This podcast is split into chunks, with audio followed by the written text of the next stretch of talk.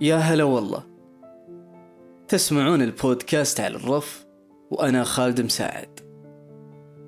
هالحلقة تأتيكم بالتعاون مع شبكة محتوايز.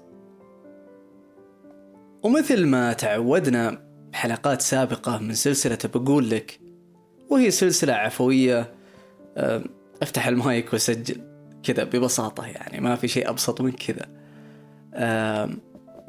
عنوانتها بقول لك عن الاستمرارية. وليش الاستمرارية؟ أمانة الكلمة هذه خلال الشهر هذا لمست فيني آه شيء كبير شيء كبير. والسبب راجع خليني أقول لك خليني أقول لك شلون أثرت فيني. هذا سلمكم الله قبل تقريبا أسبوعين كنا في Ignite ملتقى صناع المحتوى الصوتي. فاللي حصل إني قابلت آه، صناع المحتوى الصوتي وفي YouTubers. فطبيعي تجي تعرف عليه السلام عليكم السلام أنا خالد مساعد صانع البودكاست ولا لا لا إلى آخره. يعني المقابلات اللطيفة هذه. فلاحظت كلهم يقولون استمر رائع برافو عليك لك ثلاث سنوات استمر. فلحظة لحظة وش اللي يستمر؟ طيب أنا مستمر. ما وقفت. مرت ظروف ما وقفت. يعني حلقة عودة واثقة ترى سجلتها وكل أهلي الحمد لله راح الشر كانوا مصابين بكورونا ونزلت عادي. وسجل بالسيارة وحالتي حالة. كانت في حلقات أنا أتذكر مدى صعوبتها والحمد لله استمرينا. فقلت أنا لازم أجاوب على السؤال. أنا كيف استمريت؟ ف راح نسولف بهالحلقة. عن الاستمرارية. ويا رب يا رب إنها تكون سبب لي اولا إني أصمل و... وأركز على شغلي ونستمر ولكم حتى خصوصا اللي بيبدأ بصناعة محتوى تحديدا أو في أي مجال من مجالات الحياة. إن شاء الله انه يلاقي فيها الدليل وتلاقي عندها القبول.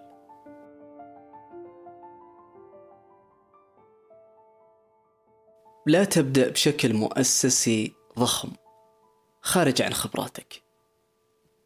وإذا بديت بالشكل هذا حاول يكون مركز. أحيانا يكون عندك فرضا مشروع معين أو محتوى معين. في مجال أنك تبدأ فيه بسيط وتتدرج وفي مجال أنك تبدأ بأعلى قوة عندك إنتاجية تكلم. يعني بإمكانك تبدأ بودكاست مثلا من جوالك تسجل ومونتاج بسيط وتحقق استماعات وبإمكانك تشتري مايك ب 2000 دولار وتروح الاستديو يعني باختصار الحلقة تكلف عليك تقريبا 3000 ريال 4000 ريال. بإمكانك كذا وبإمكانك كذا.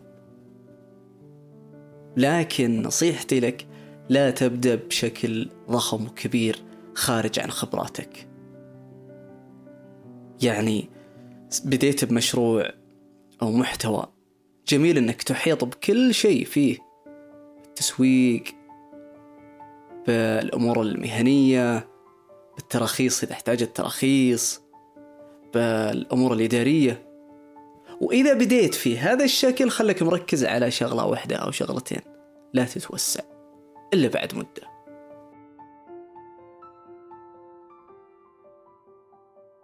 من أكثر الأشياء اللي تصادفنا كصناع محتوى حياتك تتغير عليك. أول ما تبدأ تكون متفرغ ما عندك شيء اللهم إنك مركز على محتواك فجأة تبدأ الحياة تاخذك. عاد في أي توجه.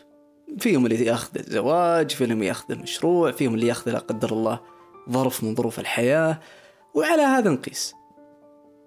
فإذا عندك أفكار لا تطبقها كلها دفعة واحدة. طبقها فكرة فكرة.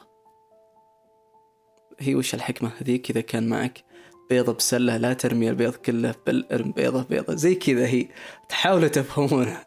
أي حكمة حول هالسياق هذا ترى هي اللي أقصدها. ليش أنا أقول كذا؟ لأن أنت إذا رميت بأوراقك كلها الآن وش تركت؟ للوقت اللي راح تنشغل فيه. وش تركت؟ هنا السؤال. كل أفكارك راحت. ولا والطريقة اللي كنت تنفذ فيها الأفكار كانت احترافية جدا وعالية جدا تاخذ منك وقت وجهد. أنت الآن لا تملك لا وقت ولا جهد. وأنا شفت شواهد و... وعلى الرف هو أكبر شاهد. يعني كنا ننزل حلقتين ثلاث بالشهر. الآن يعني يا الله نزل حلقة بالشهر. أنا أعتذر على صراحتي لكن أنتم إخواني. أصدقائي لازم أقول لكم. أوكي بيجي وقت أقدر أنزل لو تبي أربع حلقات بالشهر لكن بيجي وقت يا الله حلقة. الحياة تاخذ. الأخير نبقى لسنا محترفين في هالمجال هذا.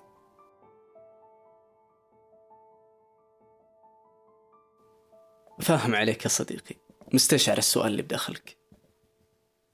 كيف أستمر إذا شغلتني الدنيا وصارت علي ظروف وأحافظ على مستواي. أحافظ على مستواي. والله إن شاء الله إن شاء الله إني أجاوب وتكون الإجابة عند حسن ظنك. أول شيء عود نفسك تكون عندك خطط بديلة سهلة التنفيذ. وأهم شيء ما تأثر على مستواك وجودة محتواك عند المتلقي. أعطيك مثال. في حلقات إحنا هنا أنتجناها استغرقت كتابتها ثلاث أسابيع والتسجيل أسبوع بشهر كامل. ونبحث ومصادر وكذا. في حلقات كانت بسيطة مثل نوعية سلسلة بقول لك. أنا أفتح المايك أتكلم. أكون معك صريح سلسلة بقول لك جابت استماعات عالية أنا ما توقعتها. ربما أن الناس حبوا الاستمرارية لكن نسعى حتى بسلسلة بقول لك أن يكون المحتوى عميق ذو أثر. ما يكون والله مجرد هبد أفتح المايك وسجل. لا لا. أنا قلتها قبل شوي يعني من باب أني أوصف لك الحالة ولا والله أن نكتب و... ونحاول أن نجيب خبرات ونصيغها سواء من عندي كتجارب شخصية أو من عند الأصدقاء اللي أنا محتك فيهم في هالمجال. اثنين طور من مهاراتك وسرعة أدائك. يعني اللي كنت تسويه خلال أسبوع تسويه على يومين وكذا. يعني إذا أنت متعود مثلا تكتب حلقة أو تكتب محتوى خلال خمس أيام ست أيام عود نفسك أنك خلال يوم تخلصه بتقول لي بس ما أدري الجودة وكذا. النقطة اللي بعد هذه بتجاوبك. ليش أنا أقول لك كذا؟ لأن فعلا بيجي وقت بيصير ما يمديك.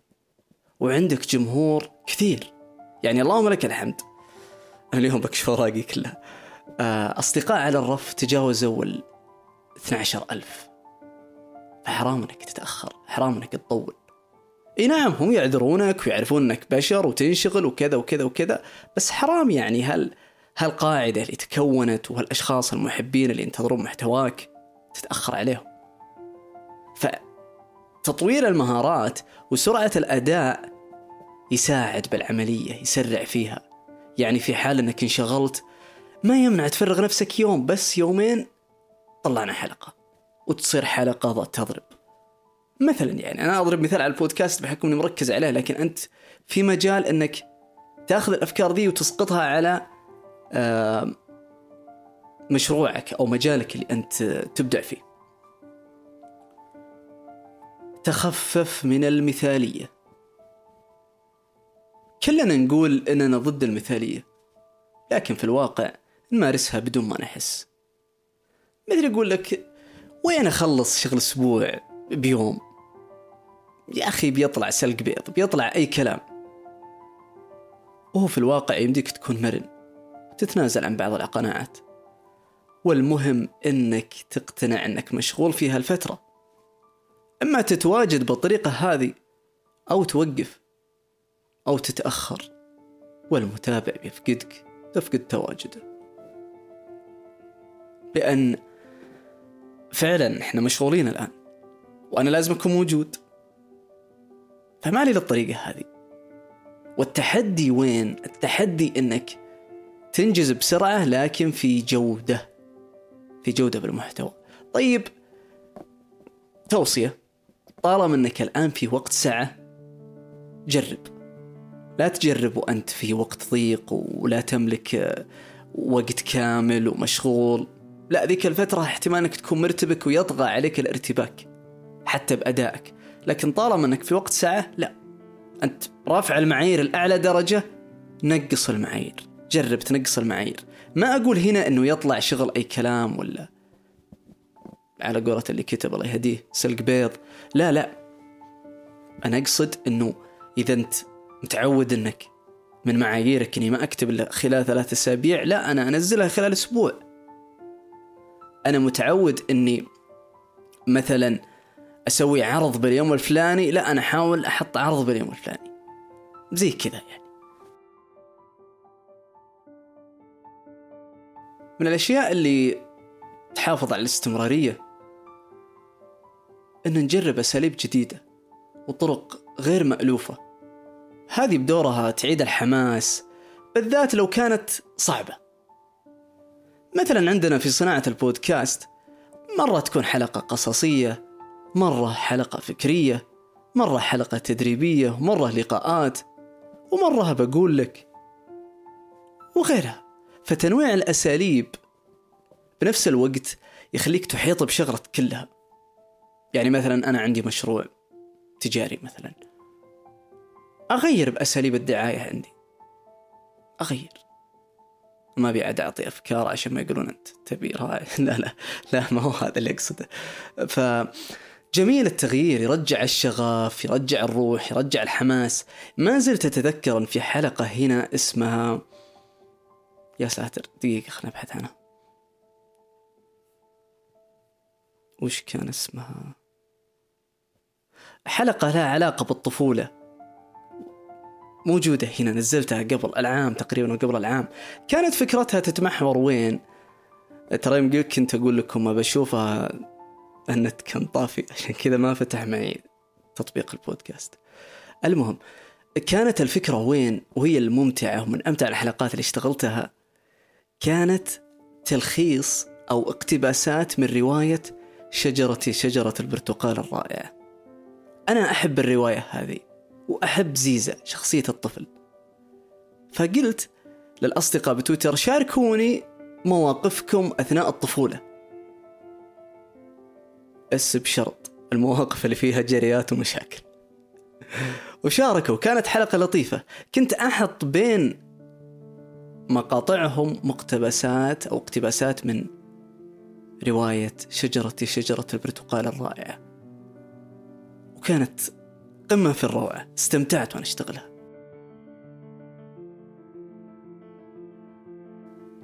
يعطيك العافية أنك سمعت الحلقة بالكامل. وشكرا لكل الأصدقاء اللي قابلتهم وقالوا لي استمر. كلمة استمر هي السبب الرئيسي وراء إنتاج هذه الحلقة. مدين لكم. كذلك أنتم يا أصدقاء اكتبوا لي تجاربكم مع النجاح وكيف استمريتم رغم ظروف الحياة. تحت فيه إيميل البودكاست وفيه رابط في جميع المنصات اللي أنا متواجد فيها. اختر أي منصة وراسلني هناك واكتب تجربتك. أنا متحمس ومتلهف أني أقرأ لكم. كذلك ساعدنا في نشر الحلقة وشاركها مع كل شخص مهتم فيها.